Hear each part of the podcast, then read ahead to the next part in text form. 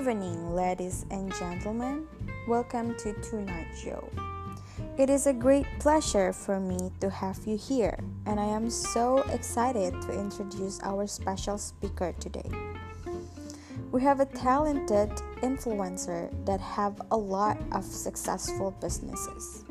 And when I say talented, I mean it. But before that, let me introduce myself. My name is Kinanti Zahra as your MC today.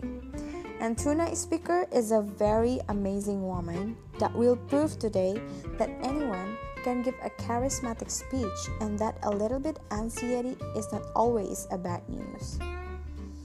And she is also an influencer who can motivate us with her achievements that make her famous until now. And today she will share her expert opinion on public speaking. Ladies and gentlemen, please welcome Sarah Ayu.